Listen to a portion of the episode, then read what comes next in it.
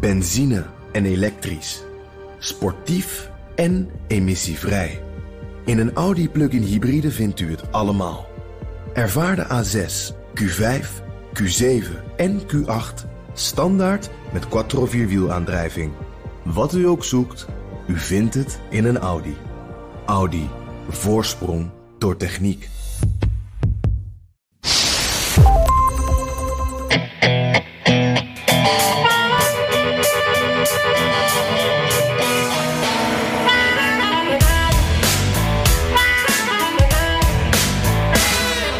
Hals over kop ging de voltallige democratische oppositie in het staatsparlement van Texas er vandoor.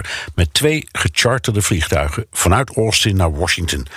We hadden geen keus. We moesten de democratie redden, zei fractievoorzitter Chris Turner. Today, more than 50 Democratic members of the Texas House left Austin and left Texas.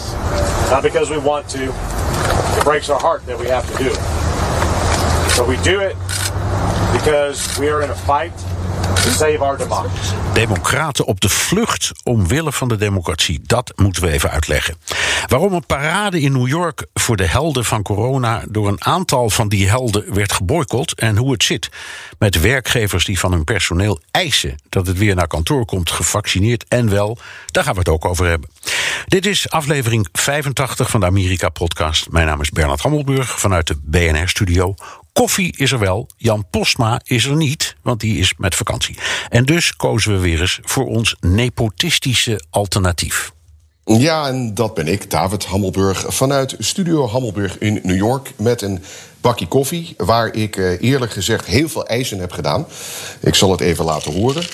U hoort, want het is hier hartstikke heet, zo'n 40 graden. Zo. Uh, en dan, dan hebben we hier het nog goed getroffen, want als je naar Californië en Oregon kijkt, uh, daar is het rond 50 graden en woeden enorme branden. En dan al niet te spreken over het westelijke gedeelte van Canada, dat zowat. Uh, geheel in de fik staat. Ja, uh, ja, ja het is ja. heel erg. we zien de beelden ook. Ja, het is, het is echt, je kunt je dat bijna niet voorstellen. Hey, maar zullen we gewoon, wat jou betreft in elk geval, ehm, dicht bij huis beginnen in het hete New York? Uh, in, in Nederland heerst nu uh, echt uh, paniek over de Delta-variant. Nederland is nu op rood gegaan op de Europese kaart. Het R-getal ligt boven de 2%. Dat is ook echt hoger dan, nou ja, heel lang. Hoe is het daar? Ja, dat stond hier ook bol in het nieuws. Uh, eerlijk is eerlijk. Maar ja, gelukkig is het ietsje beter dan in Nederland. Maar ook hier gaan de cijfers weer omhoog. Uh, op een bevolking van 9 miljoen in New York zaten we in juni uh, op een R-getal van ongeveer 0,6. En nu is dat 1,3. en in de Republikeinse wijk Staten Island nog hoger, bijna 2. per dag ongeveer 330 besmettingen. En dat was er 200. maar het leven begint toch weer aardig te blijken op wat wij dan normaal noemen. Maar er zijn en blijven waarschuwingen. Ja, nou ja, dat is misschien ook verstandig. Maar ik zag op Fox News een reportage over de vermogensbeheerder Morgan Stanley. Dat is een heel groot bedrijf. En die eist dat al het personeel weer op kantoor zit. en dat ook iedereen gevaccineerd is, anders kom je er niet in. En de vraag is of dat nou kan of mag. En ik, ik heb maar, we hebben het daar geloof ik al eens eerder over gehad met, met elkaar. Ik heb maar één precedent kunnen vinden. Dat was, um, dat heet Jacobson tegen de staat Massachusetts uit 1905. Ja, dat was in Cambridge. In Cambridge, ja precies. Het was een dominee, Henning Jacobson. Die kwam uit Zweden. En die was in 1902 doodziek geworden van een pokkenvaccinatie. En toen, in, uh, toen kwam hij naar Amerika als immigrant. En hij wilde dat niet nog een keer meemaken. Maar in de staat Massachusetts waren vaccins verplicht. En uiteindelijk ging dat naar het Hoge Rechtshof. En dat vonniste dat de staat dat inderdaad kan eisen. En, en Jacobson verloor dus. Ja, en er zijn geloof ik elf staten uh, waar dat kan. Dat is dus niet een federale wet, maar een staatswet.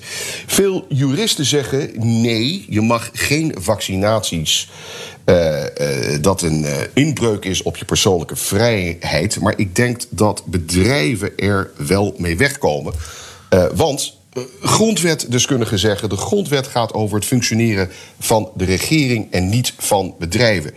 Uh, dus in Massachusetts in 1905 zeiden ze: uh, wij kunnen dat verplichten. En dat gaat dus met de 14e amendement van de Amerikaanse grondwet. Wij hebben het recht om dat te zeggen.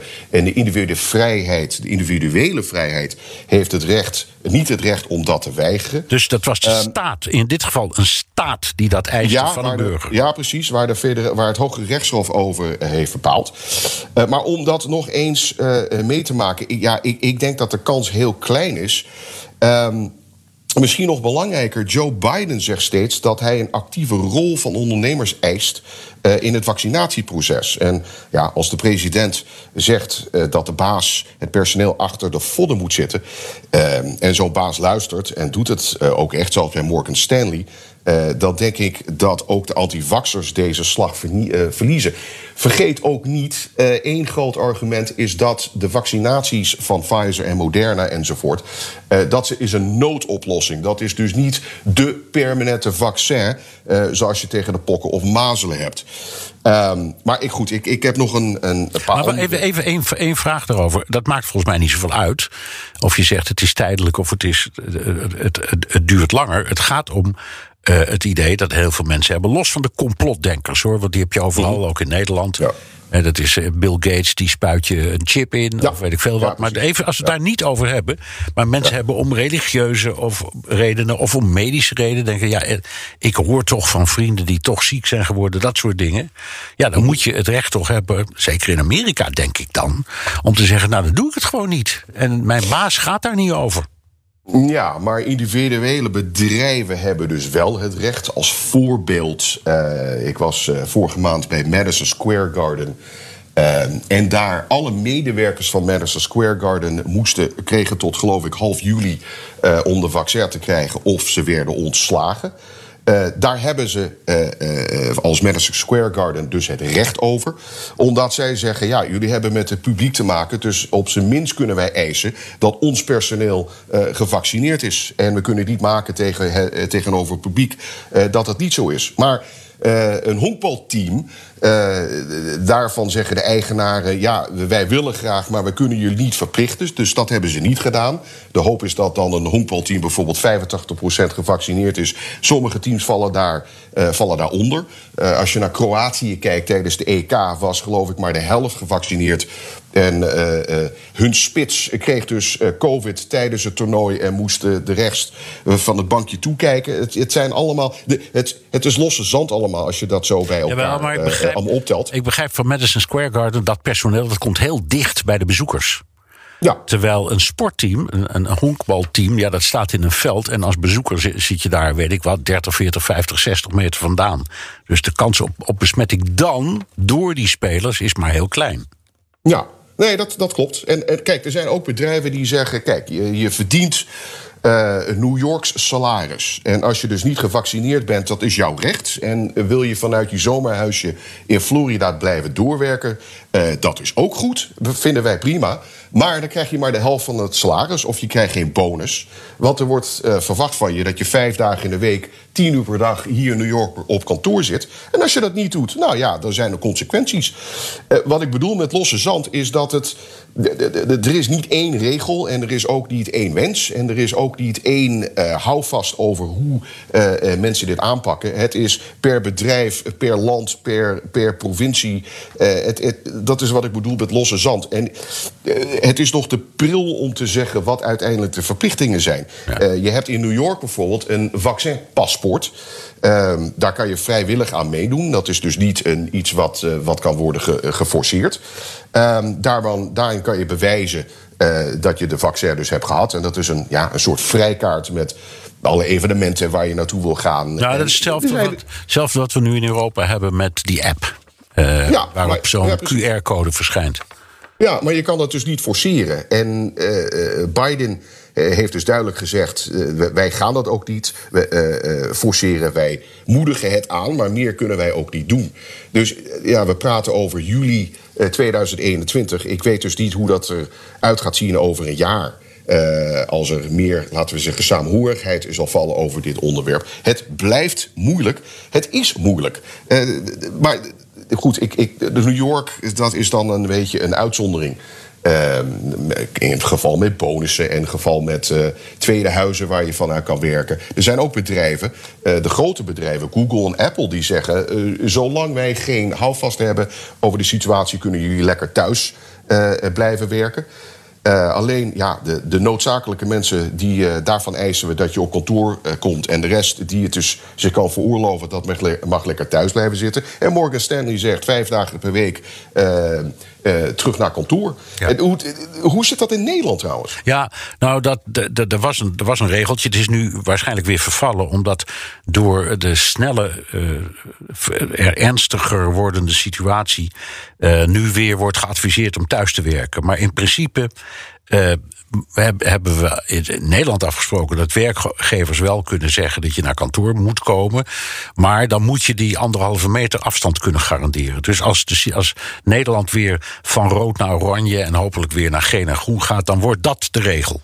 Je kunt niet eisen daar is ook veel over gesproken in Nederland, uh, dat iemand wordt gevaccineerd. Maar ze kunnen het wel omdraaien door bijvoorbeeld een bonus te geven aan mensen die zich wel laten vaccineren. Dat is de Nederlandse benadering. Dus in, in, New York heb je bijvoorbeeld het verschijnsel dat de openbare universiteiten hier uh, dus de, de SUNY's en de CUNY's, zoals dat hier wordt genoemd, de State University of New York, daar uh, wordt de vaccin geëist. Dus daar zonder kan je dus niet op, op campus komen.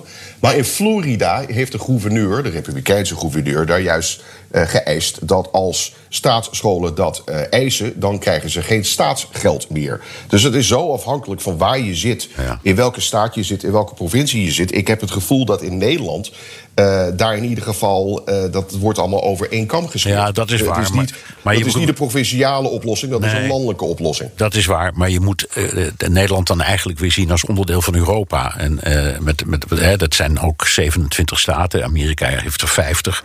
En die 27 Europese staten hebben ook allemaal een beetje hun eigen opvatting. Al moet ik zeggen, ze doen de laatste, nu doen ze wel echt hun best om uh, beter te coördineren. Hè? Maar die, die, die eisen, die, die verschillen nog steeds. En, en, hoe zit het dan in Spanje, waar ik nu net weer lees dat het code rode is? Ja, Nederland, Nederland, is ook, wat, Nederland is ook rood inmiddels. En wat, en wat gebeurt er dus met reizen? Ik, ik, lees van vakanties die geannuleerd worden. Hoe zit het daar? Nou, dat, je kunt het opzoeken. Er is een, een site voor. Dat verschilt een beetje per land. Maar de, de meeste landen zeggen: als je volledig bent gevaccineerd en je kunt een negatieve PCR-test laten zien, dan eh, kunnen we je wel toelaten. Maar in het algemeen is de regel dat als een land rood is, dan, dan wordt in principe al het niet noodzakelijke verkeer of afgeraden of zelfs verboden.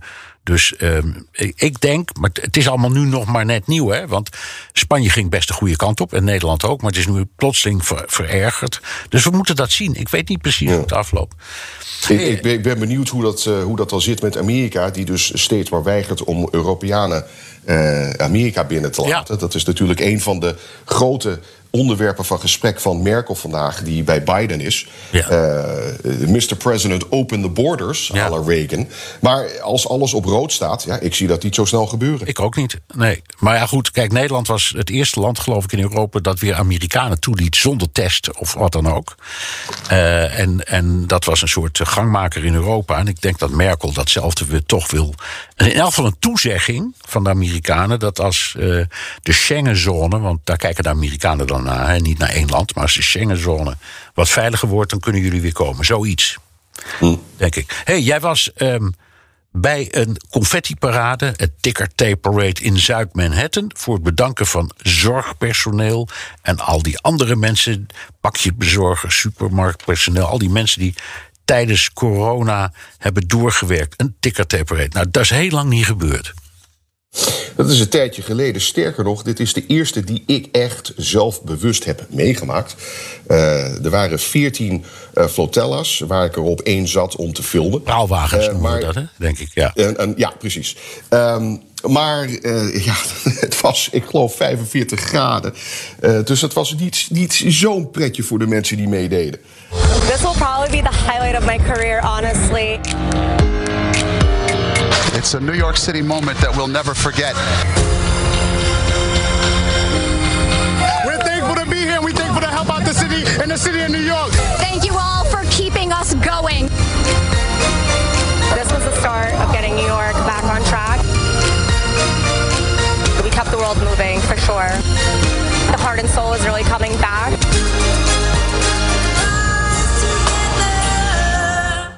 Ja, eh 14 praalwagers, eh, duizenden deelnemers. Een vrij enthousiast eh, publiek, tenminste wat er op was komen dagen, wat zoals ik al zei. ehm, het was 45 graden en niet te harde eh, buiten. Het was de beroemde route langs eh, wat je noemt de Canyons of Heroes. En dat is langs het stukje Wall Street waar eh, de beroemde eh, stier staat van Wall Street eh, naar eh, eh, eh, het eh, huis van de burgemeester. Maar eigenlijk, ja, wat ik wel boeiend vond, en eh, dit is misschien een beetje het cynisme van een journalist, maar er bleven ook heel veel mensen eh, demonstratief weg. Ehm, om je een voorbeeld te geven, veel artsen en verpleegkundigen die zeiden: waarom nu op 7 juli? We zitten nog eigenlijk in het midden van een pandemie. Het land is nog niet open. Dus eh, het is veel te voorbarig om dat nu te gaan vieren. Eh, als het eenmaal voorbij is, dat zou heel mooi zijn. Ehm, er werden een paar, mensen ook niet uitgenodigd. Zoals, ja, ik, ik, moet er een beetje om lachen. Maar eh, begrafenisondernemers, die werden dus genegeerd. En dat waren toch wel hele essentiële mensen. Nou, die, die hebben het behoorlijk druk gehad, ja. Die hebben het heel druk gehad. Stapels met stapels. En eh, ja, nou ja. Ja, we weten nog die, dat, die eh, die, eh, vreselijk. ik geloof dat jij ze ook hebt gemaakt. Van, van zo'n zo'n zo'n zo'n eilandje voor de kust. Waar die, die, die, die, eh, die, die doodskisten werden opgestapeld. En, eh, Ja, en, en- en, en- koel, koelcellen. En koel- Dus, Ja, en die, koel, die, die koelcellen, daar staan er nog een paar van. Het is allemaal. Nou ja, laten we dat onderwerp weer even overslaan. We, we zijn in een eh, goede humeur. Dat, is dat, jawel. dat laten we maar even, even in het midden. Maar goed, maar- Eh, en maar- ook, en ook eh, eh, ja, ambulance-employees die zeiden: de, de hoepel op met je parade. Wij zijn nog steeds niet betaald. We hebben geen overuren gekregen. Wij hebben toch wel redelijk druk gehad. Eh, stop alsjeblieft wat geld in, in, in, in onze In salarissen, ja. branche. En, en hoepel op met je, met je parade. Dus ja, nou ja, genoeg mensen die daar dus niet blij mee waren. Oké, maar wat me nou opvalt is, ik heb eh, nogal wat beelden gezien en, en krantenstukken gelezen uit New York, van de, New Yorkse televisiestations. Daar hadden we net ook dat fragment eh, wat jij liet horen. En jij, bent in het algemeen niet bepaald cynisch. Hoe komt het nou dat die New Yorkse media alleen maar juichverhalen hadden? Ik denk omdat het een hele tijd geleden is dat we ergens om, konden juichen. Eh, al en al was het een goed nieuwsverhaal. Eh, ik, ik plak er even bij de negatieve kanten van dit onderwerp. Maar het was eh, toch wel een groot su- succes. Wat ik ook wel bij wil zeggen, en dat is dan meer een politieke kwestie. eh, de de, de anti-parade mensen, die zijn natuurlijk niet blij met de huidige burgemeester van New York, Bill de Blasio. Maar goed, die is Laat ik Die is bijna weg. Maar alle eh, keuzes die de Blasio heeft gemaakt, eh, vielen eh, verkeerd en, en, en fout uit. Oh, je bedoelt Dat tijdens de pandemie, bedoel je? tijdens de pandemie. En dan heb ik het over links, rechts en al, alles wat ertussen zit. Dus elke beslissing die de Blasio maakt, ehm, roept eh, een New York Encore. eh, ja, eh, het, het is mooi geweest met je. We, ben, we zijn blij zijn als je eindelijk weg bent. Dus dat, dat was een heel groot component daarvan. Ja. Het idee dat de Blasio een feestje gaf. terwijl de Blasio links werd, rechts, rechts werd gekraakt. Ja. tijdens de pandemie met slechte beslissingen. Hij had misschien- Dus daar heeft het natuurlijk ook veel mee mee. Ja, hij had misschien zelf niet aan die optocht moeten deelnemen. Dat, ik, ik, Nee, zag, maar- ik zag hem ook maar steeds maar prominent in beeld. Klopt, klopt. Maar wat wel heel geestig was, één, één, leuk incidentje. Ik was aan het draaien met een verpleegster. eh, en de verpleegster had een, eh, een, eh, zo'n eh, begeleid hondje bij haar. En ook prominent in, in beeld was Chuck Schumer, de senator en de senaatleider van, van New York. En die riep daar rond. En die, op een bepaald moment kwam hij dus voor een foto op met eh, mijn, eh, mijn verpleegster en dat hondje. En dat, die ging heel enthousiast een keer over het hondje. En op een bepaald moment zei ik: Ja, maar eh, meneer eh, dat hondje kan niet op u stemmen. Toen zei hij: Nee, maar de eigenaar wel. Dus, Geweldig. ja. Hey, ehm, even iets anders. Sander van der Broek stelt via Twitter een vraag aan ons. Of wij kunnen uitleggen wat er in Texas aan de hand is, want hij snapt er geen jota van, schrijft hij. Ik zou zeggen, goed plan, Sander. Het is inderdaad een krankzinnige situatie. Als ik het goed begrijp, is er door de Republikeinse meerderheid in het staatsparlement een nieuwe kieswet ontworpen. Die volgens de, de Democraten discrimineert tegen zwarte kiezers. En dus zijn alle Democraten uit de staat vertrokken om bij de stemming afwezig te zijn. Wa- wat maakt dat eigenlijk uit? Want ze zijn toch in de minderheid? Nou ja, de Republikeinen hebben de meerderheid, die kunnen toch gewoon die wet aannemen? Ja, maar het maakt eh, wel degelijk uit, want het Texaanse parlement heeft een pre- eh, presentieplicht bij stemmingen. Net als in Nederland in de Tweede Kamer. En voor belangrijke zaken, zoals het wijzigen van de kieswet, is een quorum nodig. En dat is er dus niet. Want de Democraten hebben een paar vliegtuigen gecharterd en zitten nu allemaal in Washington. Nog steeds. Eh, dus ze hebben letterlijk. eh, ze zijn Texas gevlucht. Ja, en mag het? Eh, is, mogen ze verdwijnen? Want ja, dus je noemt inderdaad Tweede Kamer. Daar is een regel dat bij stemmingen moeten alle leden er zijn. Tenzij je eh, echt een geldig excuus hebt. Bijvoorbeeld als je ziek bent of, of iets anders heel dwingends. Maar anders moet je aanwezig zijn bij stemmingen. En je hebt ook van die quorumbeslissingen. Hè. Dan moet er een bepaalde, bepaald aantal, eh, dat is hier dan ook gebeurd, zijn. Maar staat er geen straf op als je het niet doet? Ja, het is zeker strafbaar. Eh, het gaat hier om een buitengewone zitting, dus een onderbreking van het reces, speciaal voor deze wet. Eh, die zitting duurt officieel tot begin augustus. En zolang die sessie duurt, eh, kunnen ze worden gearresteerd zodra ze weer voet op Texaanse bodem zetten. Eh, en dus hebben, ze al eh, eh, eh, dus hebben ze al laten weten dat ze desnoods al die tijd buiten de staat blijven. Dus het is een, ja, het is een prachtige rel. Het is een, eh, eh, hele mooie circus. Ehm, maar het gaat wel om een echi. Ja, en nou, nou hoor ik, Abbott is geloof ik, hè, de gouverneur, die zegt. ehm, ik blijf deze kwestie net zo lang agenderen als ik wil, desnoods het hele volgend jaar door. Eh, en ze moeten terugkomen. En op het moment dat ze voet op Texaanse bodem zetten, ja, dan worden ze opgepakt. Ja. Dus, dus ik, ik, ik vraag me dus af, wat bereik je er uiteindelijk mee? Door, Nou ja, Te- ja, Texas is niet, natuurlijk niet de enige. Nee, Er dat is waar. Er eh, zijn, er zijn hoeveel? Er zijn 34 staten met een republikeinse meerderheid. Ja. Heb ik gezien. Daarvan zijn er 27 die ehm, met dergelijke wetten bezig zijn. Of ze al Ja. hebben aangenomen. Waar gaat het in Texas om? Het gaat om eh, verbod om vanuit de auto te stemmen. eh, verbod om 24 uur lang te kunnen stemmen. eh, het bijna onmogelijk maken van stemmen per post. Het laten meekijken eh, door partijvertegenwoordigers in het stemhokje. Eh, het strafbaar stellen van het maken van fouten bij, stem, bij stemmen. Dus eh, verkeerde district of stemmen als je voorwaardelijk vrij bent uit de, de gevangenis. Ehm, in, in Georgia is zo'n wet aangenomen waar je bijvoorbeeld ehm, niet. Eh, eh, eh, de- waar mensen geen water mogen brengen bij- mensen die, eind- die in eindeloze rijen staan in de hitte. Daarvan zijn de gouverneur van Georgia. Nou, je, dan bestel je maar via Uber je water. Maar wacht even, dus het je is- staat daar het- er- ergens in, een, in de hitte in een wijk. Nou, ik noem maar wat. Nou, meestal is het in november niet zo heet. Maar je staat daar dan in de rij, heel lang.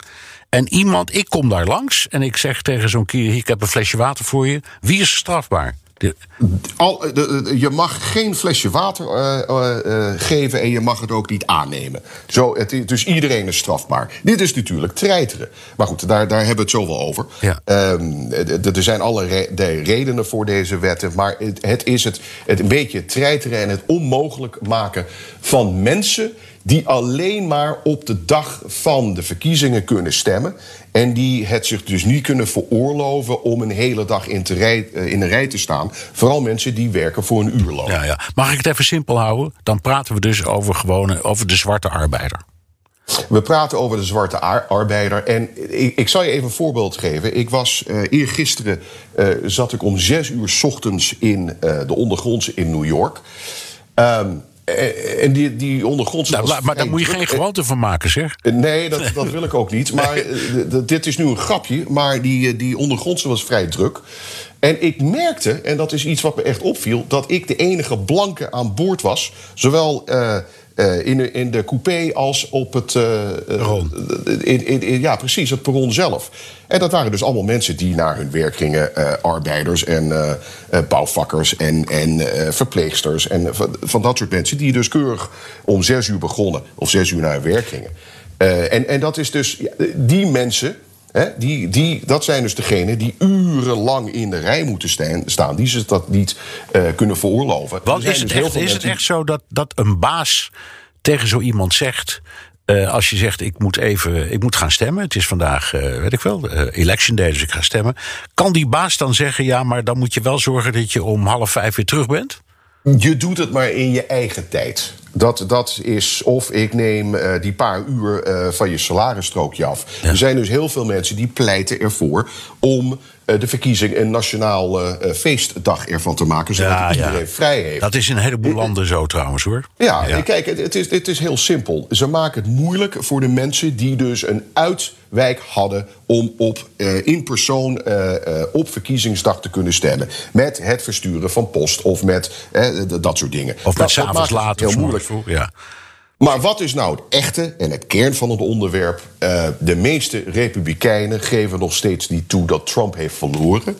Dus hebben zij er zaak van gemaakt en zijn ze er nu nog steeds mee bezig om het voor het grote blok democraten, wat altijd op het democraat stemt, zo moeilijk mogelijk te maken om te stemmen. En dan zeggen ze daarbij: het gaat helemaal niet om. eh, Natuurlijk zijn wij niet racistisch. Wij willen er zeker van weten dat de mensen die stemmen komen stemmen.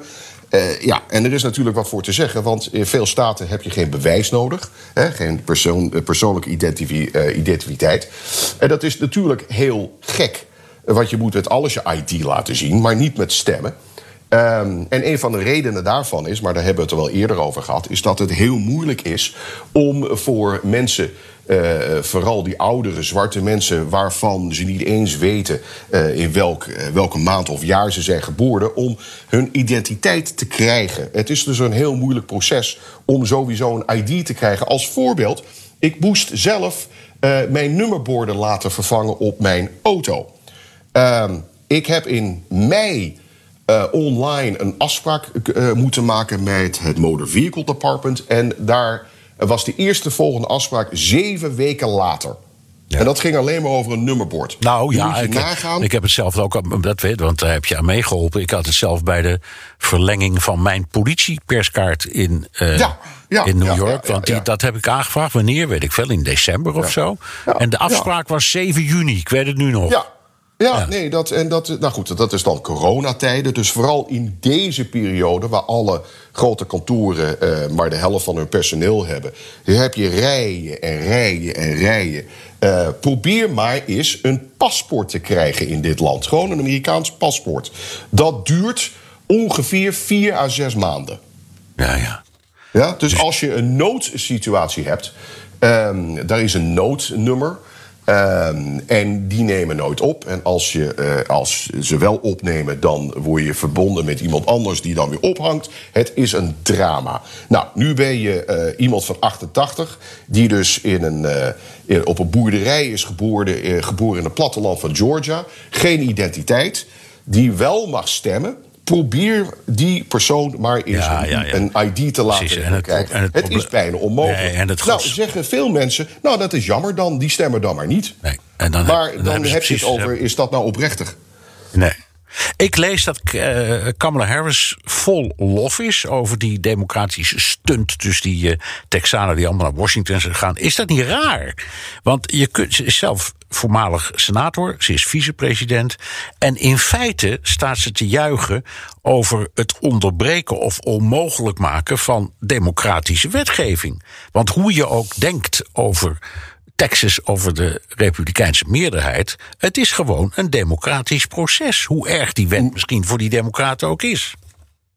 Ja, ik geef nu een heel laf antwoord. Ik ben het ermee eens en ook oneens, want je geeft zelf al aan. Het is een democratische beslissing. Maar Kamala Harris vindt, en, en ik denk terecht, dat het een foute beslissing is. Ehm, dus eh, de publiciteit die ze, zij naar zich toe trekt... eh, en de, de, de, de mensen uit Texas... ehm, dat veel mensen zich daar toch eh, over ga vragen of dat nou wel echt kan, of dat nou wel wettelijk is, of dat iets wat eerlijk is. Het is, zoals we al zeiden, prachtige theater. Het is een, een heel mooi circus, maar het gaat ergens om. Ehm, ja, en, en de regering Biden heeft natuurlijk al geprobeerd om al die restricties in de kieswetten van staten te blokkeren. Uh, maar dat krijgt hij steeds maar niet door het Senaat en ook niet door het Hoge Gerechtshof. Hij wil het liefst dat er een federale wet is. Um, dat eens en voor al zal bepalen wat nou wel en wat nou niet kan. En zoals het vaak gaat in het land, daar gaat de federale overheid en het gerechtshof niet of. Dat, dat hangt er af uh, uh, per staat. Wel hield hij een zeer, ja, ik vond het toch wel boeiende en emotionele toespraak. We, the people, will never give up. We will not give in. We will overcome. We will do it together. And guaranteeing the right to vote, ensuring every vote is counted, has always been the most patriotic thing we can do. Ja. Ja, maar het blijft uh, toch tobben voor de, voor de, de Democraten. Um, ik denk dat de Republikeinen het toch altijd wel weer wat slimmer aanpakken uh, dan de Democraten. Want de Democraten zeggen doodleuk: ja, het, het is tijd dat er gewoon een conforme wet is voor onze staat, wat wel en wat niet mag. En dat is allemaal heel eerlijk. En als je daar niet aan de regels kan houden, dan stem je maar niet. Nee, maar um, ik, ja, ik heb naar die toespraak gekeken. Uh, natuurlijk. En ik vond het ook, ik had eerlijk gezegd Joe Biden nog nooit zo gezien. Dat, dat vond ik nee. het meest los van het onderwerp. Maar ik wist helemaal niet dat die man zich zo kon opwinden en zo. Maar hij ging echt tekeer. Hij ging tekeer ja. en, en, op een bepaald moment zei hij: Have you no shame? Ja, prachtig. Nou, nou. Waar, waar, waar lijkt dat jou op denken? Aan, aan, aan McCarthy. De periode van Joe McCarthy, dat was die senator die in de jaren 50 een commissie had opgericht in het congres om jacht te maken op communisten en landverraders. En ongeveer iedereen die uh, ook maar iets anders was dan uh, arbeider of directeur van een groot bedrijf werd verdacht. Dus alle artiesten, alle journalisten, uh, alles wat te maken had met radio en tv en kranten tot technici, drukkers. Iedereen was in zijn ogen een communist. En de een na de ander die werd dus verhoord in het congres. Uh, wat, er zit trouwens nog een mooi verhaal aan, want de acteurs die zijn voor een deel opgepakt met hulp van de voorzitter van de toenmalige filmacteursbond. En die heette Ronald Reagan, dus die heeft er hard mm-hmm. aan meegeholpen. Trouwens, Richard Nixon ook, die hebben hard meegeholpen aan die. En hoe heette die comité ook alweer? Ja, dat, de, de, de, de, de Committee on Un-American Activities. Zo heette die volgens mij. Een van de donkere periodes in Ja, een van, de, een van de meest afschuwelijke periodes. En op een moment was er iemand, ik ben vergeten wie. Ook Jack Welsh. Jack Welsh, nee, dat was, dat was de advocaat. Maar er was, een, er was iemand aangeklaagd en die stond dan voor, dat, voor, dat, voor die commissie in het congres. En die had een advocaat meegebracht. En die Joe McCarthy, die senator, die bleef maar inhakken op die man, op die verdachte. Van je bent een communist en het is toch duidelijk en je bent tuig en je bent dit en dat. En op een bepaald moment stond die meneer Welsh, die advocaat, op. En die zei: Senator, have you no sense of decency? Have you no shame?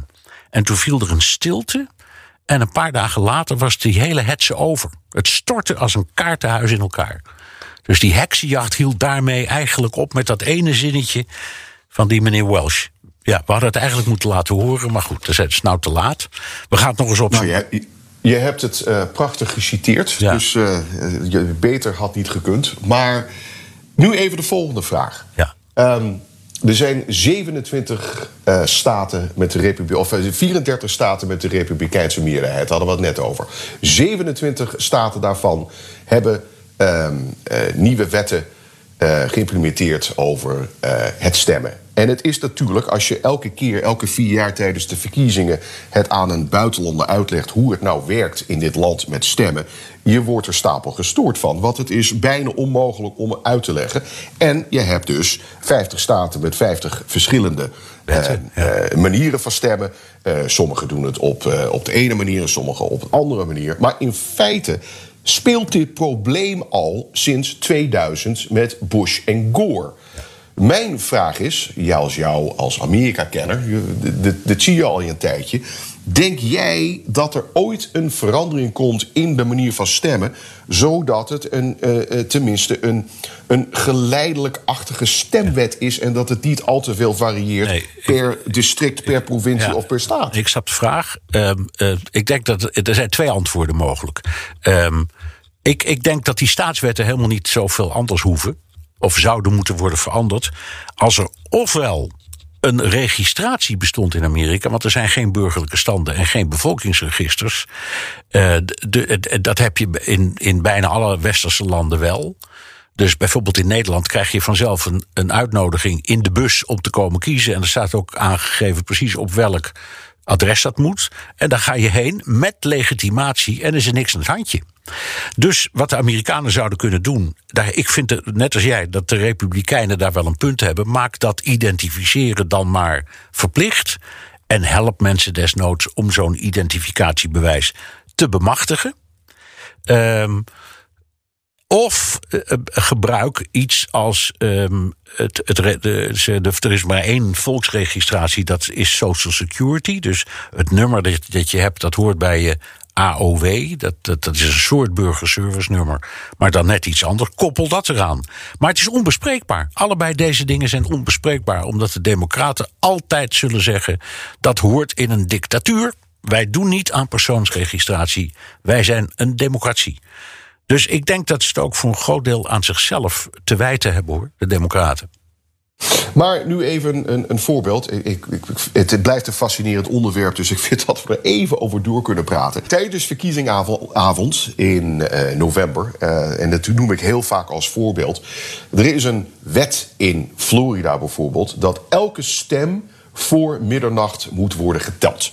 Met andere woorden, ergens na middernacht op verkiezingsavond of de dag daarna is er een uitslag.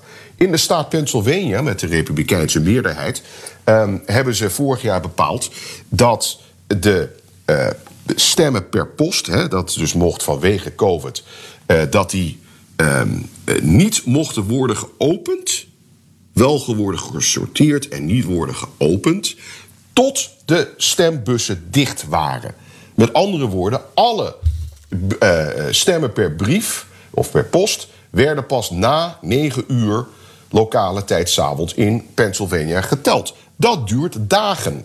Daar heeft Trump toen gebruik van gemaakt met het idee dat het allemaal oneerlijk is, want al die stemmen die kwamen nadat de stemloketten dicht waren, dus was dat oneerlijk. Ja. Als je nou in ieder Ja, hadden geval wel, een wel een punt ook, want al die poststemmen, dat waren alle, bijna allemaal democratische stemmen.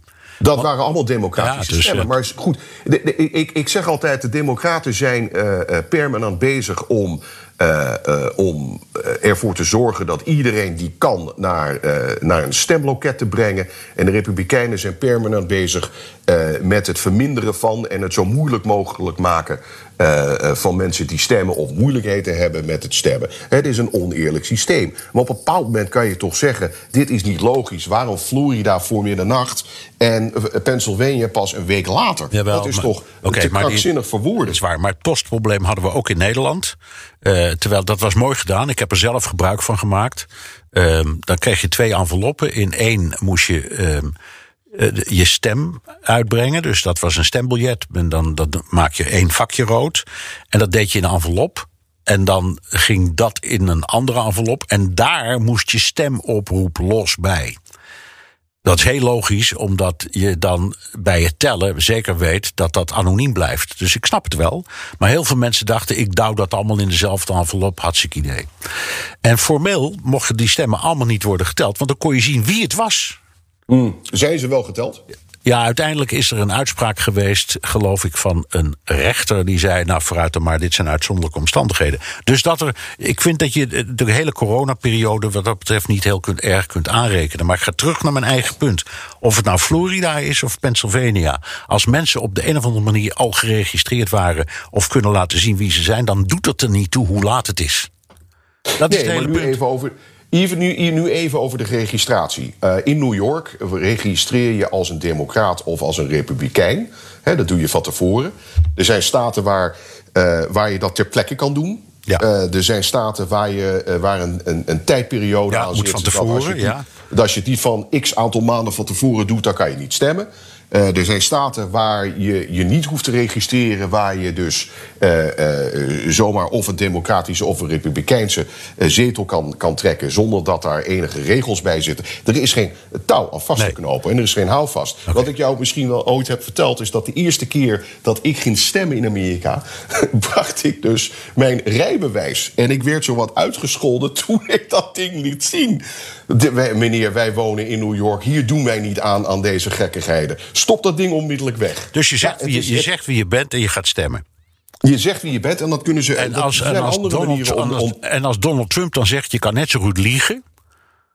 Je kan net zo goed een andere naam noemen en stemmen. Dan moeten ze je nemen, want ze controleren je niet. En dat, Jawel, en dat, dat, is dus dat, is niet helemaal, dat is niet helemaal waar. Want uh, ook zonder identiteit kunnen ze je precies zien wie je, uh, wie je bent. Want je staat geregistreerd.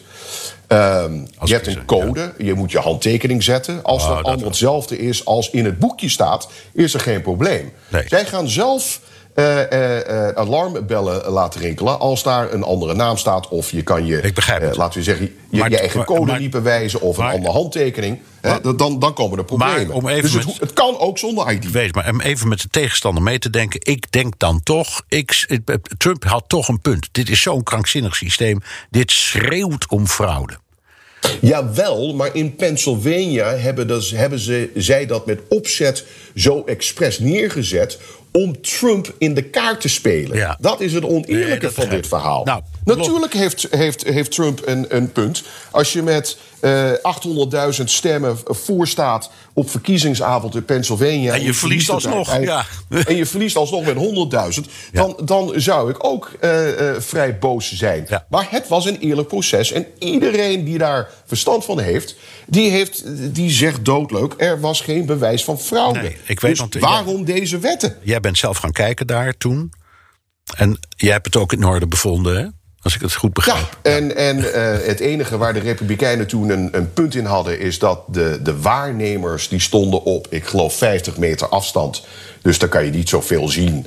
Eh, en uiteindelijk heeft de rechter besloten dat dat... eh, Die mochten wat dichterbij op, komen, ja. Die mochten van op 6 meter afstand, hè, zodat ze in ieder geval konden zien... wat er allemaal gebeurde. Maar er was... Het was allemaal kosher, er was gewoon er was niks aan de hand. Nee. En dat is dus het punt. Eh, er is niks aan de hand, dus gaan we er wetten eh, eh, van maken. Oké. Ja. Ehm, hey, zullen, zullen we het e- even heel kort over Cuba hebben? ja. Ehm, want, want Biden zit toch ook, ook met Cuba in, in zijn maag. Waar enorme demonstraties waren tegen de junta. Maar waar de problemen natuurlijk ook het gevolg zijn van de Amerikaanse blokkade. die al sinds 1959 bestaat.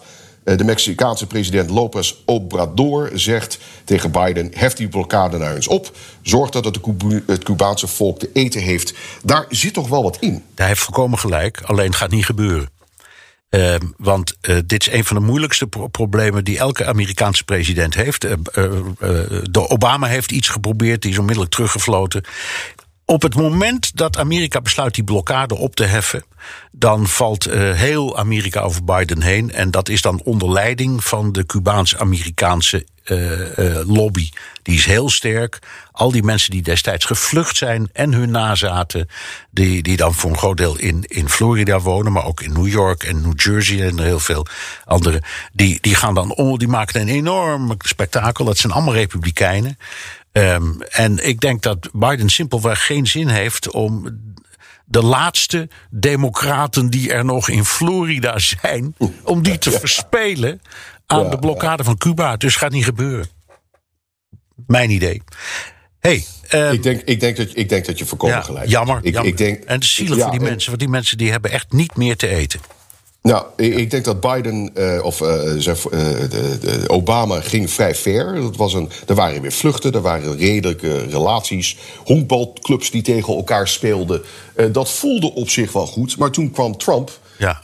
En dat was ja, natuurlijk een van de eerste dingen de- dat hij deed. Die, die relatie weer terugtrekken. Ja, ja. Het, het, is in het, het is precies wat je zegt. Het is en blijft een, een grote zonde. Ja, het is ontzettend jammer. Hey, voordat we naar de luisteraarsvragen gaan, even dit.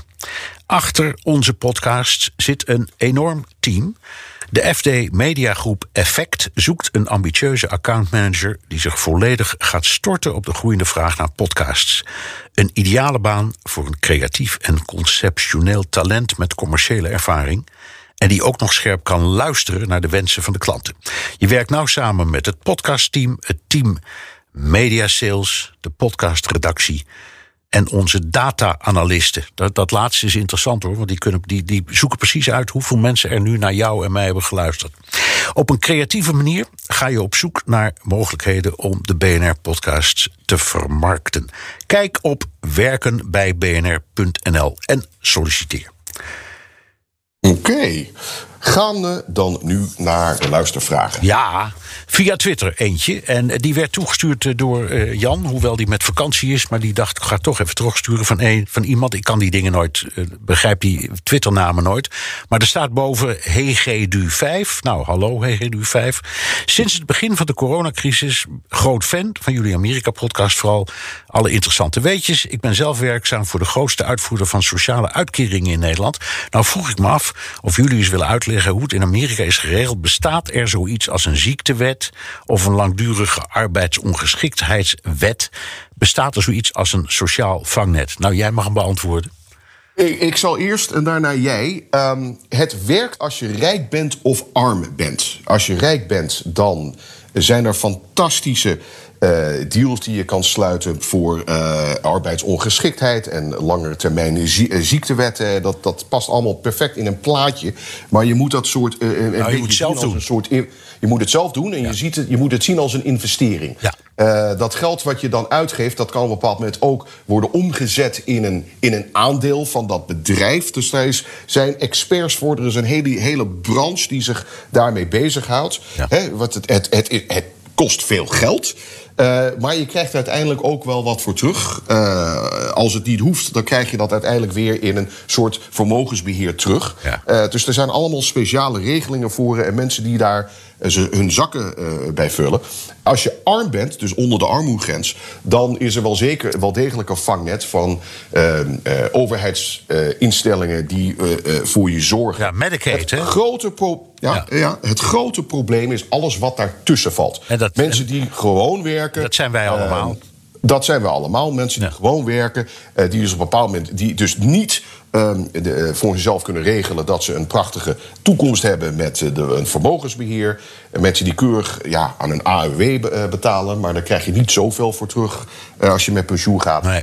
Um, Maar, ze, maar, maar, dus- maar, maar in de ziektewet, zoals dat hier heet, dat kennen ze in Amerika niet. Nee, en, en dat, dat, dat is dus het enge van dit land. Uh, ja, er is een vangnet, of je kan betalen of je kan het niet betalen. Alles wat daartussen valt, dat, uh, dat blijft hangen. En dat is wel heel erg. Ja. Er zijn heel veel mensen die dus op een latere leeftijd ziek worden. Niks gemankeerd in hun hele leven. En die kunnen het zich niet veroorloven. En dat wordt dus een last voor de kinderen of de kleinkinderen. Ja. Uh, en dat, dat is wel heel erg. Ja, je moet je, je huis verkopen om een eh, hartoperatie te ondergaan of zoiets dergelijks. Dat hoor je Ja, vaak. ja, ja, ja, Oké, ja. Jasper van Veen. Ik ben een trouwe luisteraar van jullie geweldige podcast. Naar aanleiding van mijn vraag over abortus, heeft hij, in, hij heeft al eerder uh, gereflecteerd. Enkele afleveringen geleden gaven jullie aan dat 84% van de Amerikanen zichzelf als religieus beschouwt. Dat hadden wij overigens ontleend aan een peiling van Pew, dat peilingsbureau. Zouden jullie eens een keer een aflevering over, de, over Amerikaanse religie kunnen maken? Wat vind je dan? Een goed idee? Ik vind het een prima idee, want waarom niet? Nee, het is, het is leuk. En het is inderdaad, speelt een enorme rol in de geschiedenis. Het speelt een rol in de geschiedenis, het speelt een rol op de huidige dag. Ja. Het, de, we hebben het hier steeds over de uh, uh, Christian Judeo Society. Society, Dus het, het, ja, het is absoluut iets waar ik denk dat, dat er een keer aandacht aan moet worden besteed. En het, en het lekker is, ja, laten we het eens een keertje uitpuilen. Leuk. Oké, okay. Jasper, we gaan het doen. Ik moet het wel met Jan bespreken. Kijk hoe die er tegenover staat. Maar ik denk dat hij het ook wel interessant vindt. Oké, Erik Puik, dank voor de heerlijke wekelijkse analyses. Um, jullie hadden het erover dat het Amerikaanse electoraat goed het onderscheid ziet tussen privégedrag van politici en hun succes. En wij, wij hebben inderdaad uh, de voorbeelden Nixon genoemd uh, en uh, Clinton, die allebei zijn herkozen midden in een schandaal. Trump eigenlijk ook, die alleen maar schandalen heeft gehad en toch destijds verkiezingen heeft gewonnen en, en nog steeds populair is. En, en hij vraagt zich af, Erik stelt terecht de vraag: hoe kan het nou dat, eh, dat, dat al die privé-kwesties ongelooflijk veel aandacht hebben, maar als puntje bij paaltje komt, ja, dan maakt het toch voor de verkiezingsuitslag niet veel uit.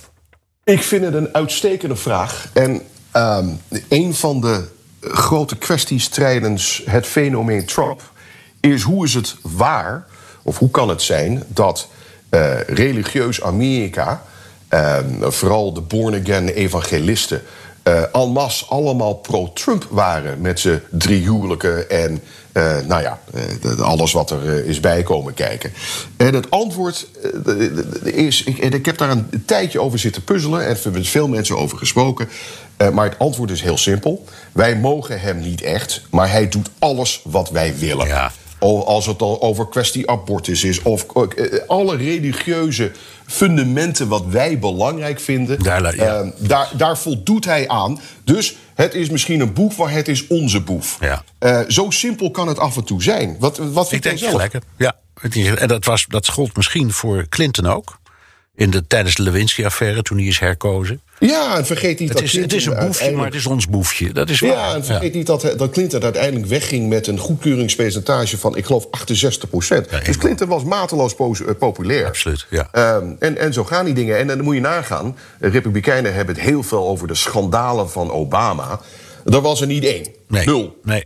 Dat is de ene. En, en, en uh, Obama wordt door rechts-Amerika door de grond geboord als de grootste boef van de Amerikaanse geschiedenis. En de slechtste president ooit. Ja. Niet één schandaal. Nee.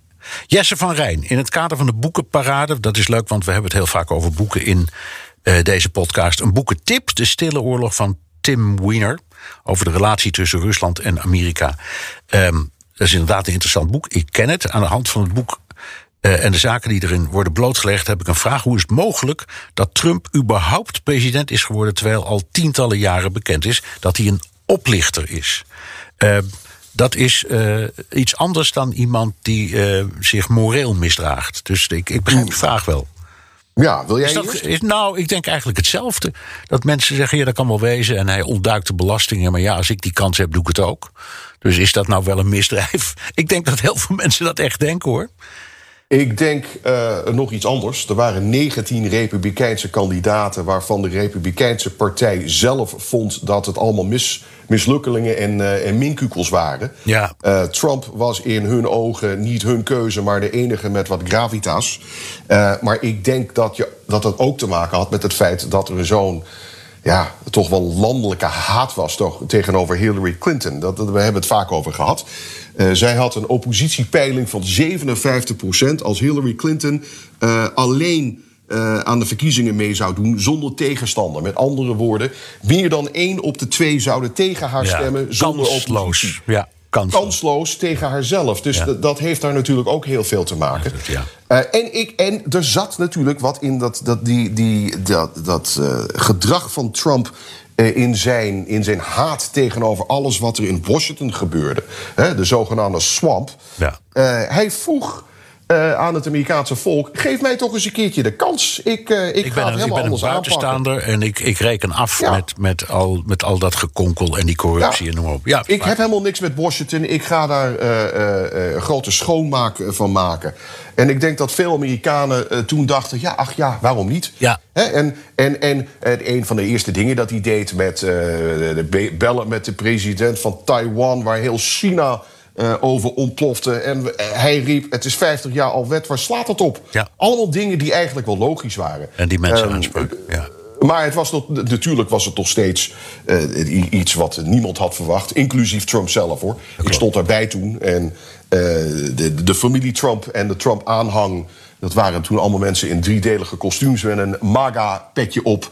Eh, die waren allemaal even, even verbaasd toen de verkiezingsuitslag binnenkwam. Ja. Dus eer- eerlijk is eerlijk, niemand had het verwacht. Nee, we stonden daar allemaal, weet je nog, daar eh, bij dat. eh, die, ze zaten Zeker. tegenover, zaten tegenover elkaar op Sixth Avenue. In het, Ja, in het in, ene hotel en het andere hotel. Ja, in het Hilton, wat nog steeds dicht is vanwege corona. En de Warwick, waar eh, de media aanwezig Waar de media, waren. maar precies. Ja. Dat was een, eh, een, nou ja, een spannende hey, avond. Emilio Canovai, eh, ook een vaste luisteraar. Ehm, weer met allerlei complimenten, wat we altijd fijn vinden. Ehm, En hij zegt dat mijn beschrijving van wat er, hoe het in New York nu gaat sinds de verbetering, hem veel zin heeft om meteen weer in een vliegtuig te stappen. Hij is arts en onderzoeker en altijd gefascineerd in de VS. En hij schrijft heel terecht: het heeft de beste ziekenhuizen ter wereld en het duurste en slechtste gezondheidszorgsysteem. Vind ik wel een mooie op opmerking. Uh, hij heeft uh, jammer genoeg. Uh, hij heeft jammer genoeg gelijk, ja. ja. Hij, komt ook ja, met, hij komt nog met een boekentip. Empire of Pain van Patrick Radden Keefe. daar, daar gaan we niet helemaal op in, maar het gaat over de Sackler-familie. Dat is inderdaad. dat, waren, dat waren immigranten die heel rijk zijn geworden. En ook heel veel goede werk hebben gedaan. Maar uiteindelijk ook een hele bedenkelijke rol hebben gespeeld in de opiumcrisis. Dus dat gaat over de tegenstrijdigheid van mensen die het maken. Oké, okay, gaan we naar Milan Peil die las een stuk over Asa Hutchinson, de Republikeinse gouverneur van Arkansas. Uh, Arkansas was, uh, daar won Trump heel uh, nadrukkelijk. Maar, maar die Hutchinson zegt: als het om Trump gaat in 2022, dus bij de tussentijdsverkiezingen die eraan komen, dan gaan we verliezen. en dat is heel wonderlijk van een man die voorzitter is van de Governors Club. En, en een republikein. Dus hij vraagt zich af hoe dat nou kan. Hoe, is dat nou een outsider? Spreekt hij namens echt wel de ziel van de Republikeinse Partij? Of is het gewoon een uitzondering? Asa Hutchinson. Als, als je ziet wat de gos van de Republikeinen nu roepen over Trump.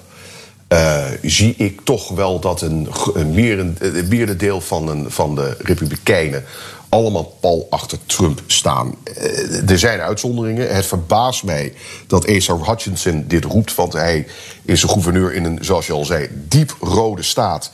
En hij is ook zelf diep rood. Misschien keek hij naar de peilingen en dacht realistisch: dit gaan we niet redden. In Louisiana misschien wel, maar in de rest van het land niet. Maar ik kijk nog steeds vol verbijstering uh, hoe Trump de leider, uh, de de facto leider uh, van de Republikeinse Partij blijft. Hij heeft ze in een soort greep en een wurg. ja, ja, ja. Waar, absoluut. Waar mensen. Hè? Maar er zijn dus genoeg republikeinen die zeggen... Mitt Romney bijvoorbeeld... Hè, de, de, ja. die worden dan ook de anti-Trumpers genoemd... of de, de rhinos, uh, Republican in name only. Dat is een prachtige uh, zo'n woordengrap van Trump zelf. Um, die, die zeggen, die blijven bij de realiteit. Hè? En maar die worden dus afgeschilderd tussen, te, uh, bij hun eigen partij... Uh, uh, de, de, mensen. En die, ja, die worden als een soort uh, verrader gezien. Dus het blij, die, die Trump die blijft maar de greep houden. Op die partij. Um, van die partij. Dus ik, ik, het verbaast me wat, wat Hutchinson zegt. Um, ik vind het eigenlijk ook wel leuk. Ik ben toch heel benieuwd Hoe waar, die, waar hij naartoe ja. gaat. Milan Peil schrijft overigens, want dat willen we altijd graag horen dat hij uh, luistert wanneer het maar kan tijdens woon-werkverkeer, hardlopen of wat dan ook. Dat laatste vind ik helemaal leuk. Dus we weten zeker dat, hoewel we deze week een dagje te laat zijn, dat hij toch weer gaat luisteren. Gaan we even naar Michiel Beijer, is de laatste. Van, uh, de, want uh, ander, dan we lopen, worden te lang anders. Hij luistert iedere week met veel plezier. Uh, aan de aanleiding van de podcast van 8 juli.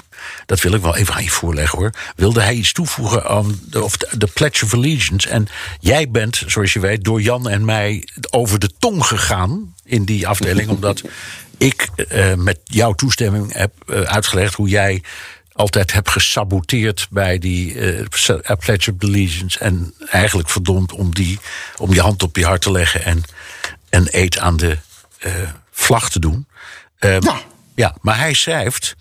Wij kunnen dat misschien gek vinden, maar in een immigratieland als Amerika heeft het misschien toch wel waarde, omdat als mensen uit de hele wereld komen, het kinderen uh, ja, toch bindt aan hun nieuwe thuisland. En dan, ja, dat is misschien wel indoctrinatie.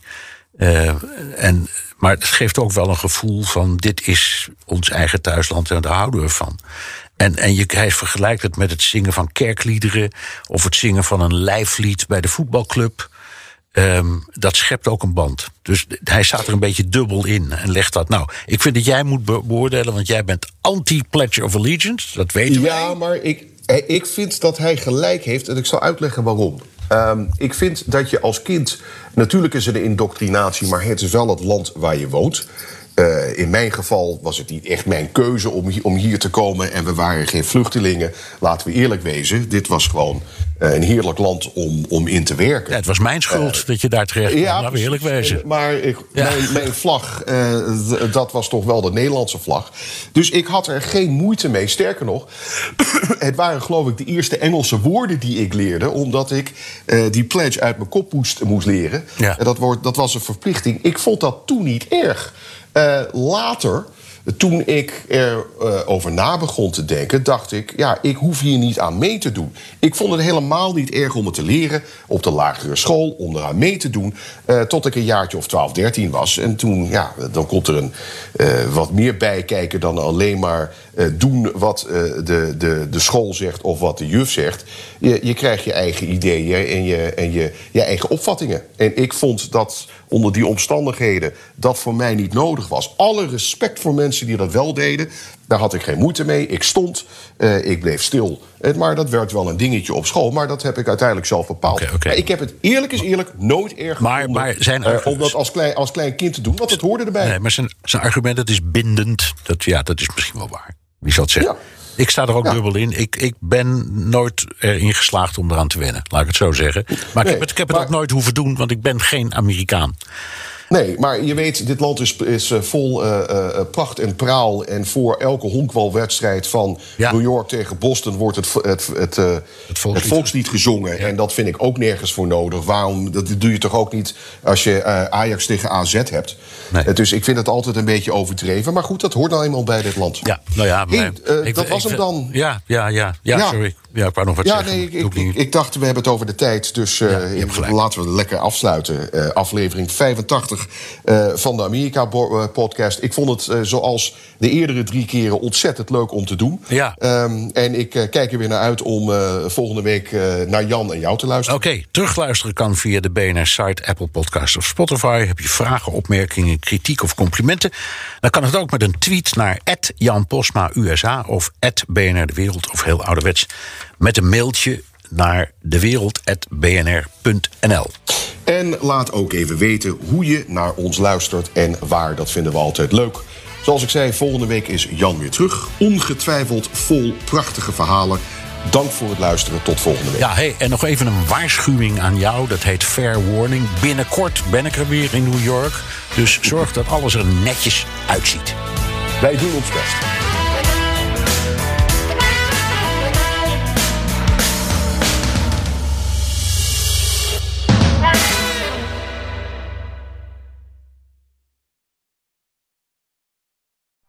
Benzine en elektrisch. Sportief en emissievrij. In een Audi plug-in hybride vindt u het allemaal. Ervaar de A6, Q5, Q7 en Q8 standaard met quattro vierwielaandrijving. Wat u ook zoekt, u vindt het in een Audi. Audi. Voorsprong door techniek.